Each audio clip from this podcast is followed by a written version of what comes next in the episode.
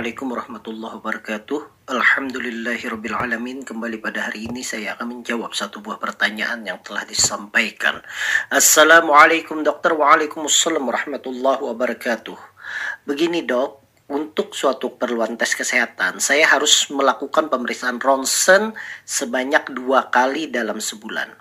Yang mau saya tanyakan, amankah bila tubuh sering dilakukan foto ronsen? Apakah ada dampak negatif bagi kesehatan? Dan benarkah minum susu dapat membantu agar hasil foto ronsen bagus?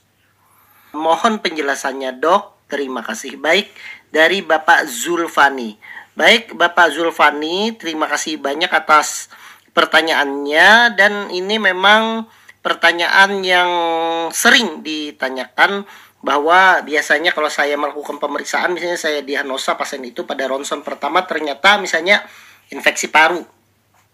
Jadi waktu itu saya sampaikan saya beli terapi dulu mungkin sekitar satu minggu lagi nanti harus di ronsen ulang untuk melihat apakah infeksinya itu membaik apa tidak. Nah, biasanya akan ditanyakan, bagaimana dok, apakah aman? Baik, kita berbicara dulu tentang ronsen. Ya, ronsen itu secara umum adalah suatu radiasi sinar X atau X-ray yang ditembakkan ke tubuh ke organ-organ tertentu untuk melihat bagaimana gambaran dari organ di dalam secara dua dimensi.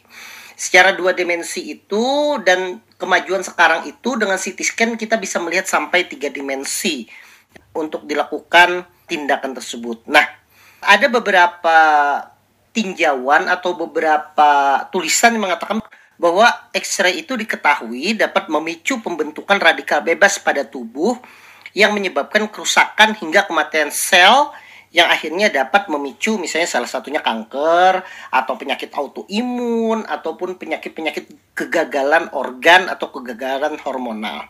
Kan tetapi perlu diingat bahwa efek radiasi pada tubuh ini bergantung dari berbagai faktor termasuk dalam hal ini adalah dosis radiasinya, kemudian ada energi radiasi, kemudian bagian tubuh yang terpapar itu dan sensitivitas sel itu sendiri apakah dengan di ronsen itu langsung berubah genetik dari sel itu atau memang dia harus berkali-kali. Nah, tentunya dosis radiasi lebih berpengaruh dibandingkan seberapa sering frekuensi seseorang terpapar sinar X tersebut. Sinar radiasi yang diberikan pada pemeriksaan X-ray itu sebenarnya sudah menggunakan dosis yang aman yang sangat kecil sehingga resiko untuk menimbulkan efek yang berbahaya itu sangat sedikit. Nah, apalagi misalnya di tengah kemajuan teknologi sekarang, sinar X dari ronsen itu sudah semakin presisi. Hamburannya itu semakin kurang. Hamburan itu maksudnya dia itu begitu ditembakkan sinar X itu dia akan ada hamburan pancaran ke berbagai tempat. Nah, semakin uh, tinggi teknologi sekarang maka hamburan itu akan semakin kecil. Kemudian dosisnya pun juga sudah semakin tepat dengan dosis yang sangat kecil. Jadi tentunya tidak perlu dikhawatirkan. Namun penggunaan X-ray itu tetap harus diperhatikan pada ibu hamil atau pada anak kecil. Oleh karena itu, tentunya melakukan tindakan ronsen itu tidak sembarangan, bukan keinginan kita, tetapi tentunya atas indikasi dari dokter yang melakukan pemeriksaan tersebut. Nah, pertanyaannya, sebanyak dua kali dalam sebulan ya tergantung. Kalau seandainya untuk medical check up, tentunya medical check up kan dilakukan enam bulan sekali sampai satu tahun sekali. Artinya kalau dua kali saja, misalnya dalam satu bulan itu dan itu diulang dalam enam bulan atau satu tahun ya jelas sangat aman karena uh, saya tidak akan menyebut nilai paparan radiasinya ya tetapi hanya 2 sampai tiga kali itu masih jauh dari batas toksisitas atau batas kerusakan yang dapat merusak sel ketika ditembakkan sinar X tersebut. Jadi insya Allah tidak ada masalah. Nah berbeda kalau seandainya tindakan ronsen itu dilakukan oleh tenaga yang tidak profesional radiasinya sangat tinggi, kemudian diulang-ulang karena merasa misalnya belum yakin uh, hasilnya tersebut, nah itu yang akan berbahaya. Jadi uh, kalau saya dilakukan secara profesional sesuai dosis, insya Allah tidak ada masalah.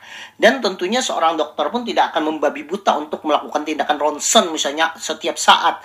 Tentunya ada pertimbangan-pertimbangan tertentu untuk dilakukan tindakan untuk ronsen tersebut. Itu yang pertama. Kemudian dampak negatif tadi sudah terjawab. Kemudian pertanyaan yang ketiga, Benarkah minum susu dapat membantu agar hasil foto ronsen bagus? Ini jawabannya tidak betul ya. Artinya ini adalah mitos anggapan orang dulu yang mengatakan kalau minum susu itu parunya katanya menjadi bersih. Minum soda parunya itu akan menjadi bersih. Itu adalah pandangan yang keliru. Jadi jangan percaya hal tersebut.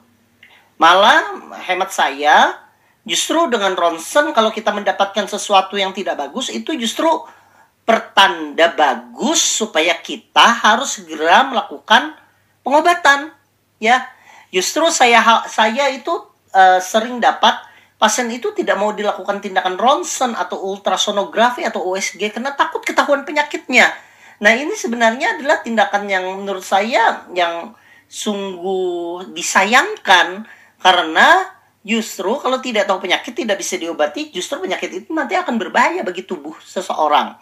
Kalau di ronsen dan kita tahu ada penyakit, tentunya pengobatan lebih dini dan kemungkinan sembuh pun atau stabil pun juga akan semakin meningkat. Itu saja Bapak Zulfani atas pertanyaannya yang saya bisa saya jawab. Semoga ini bermanfaat untuk Bapak. Jadi jangan khawatir. Semoga Bapak selalu diberikan kesehatan oleh Allah Subhanahu wa taala. Wassalamualaikum warahmatullahi wabarakatuh.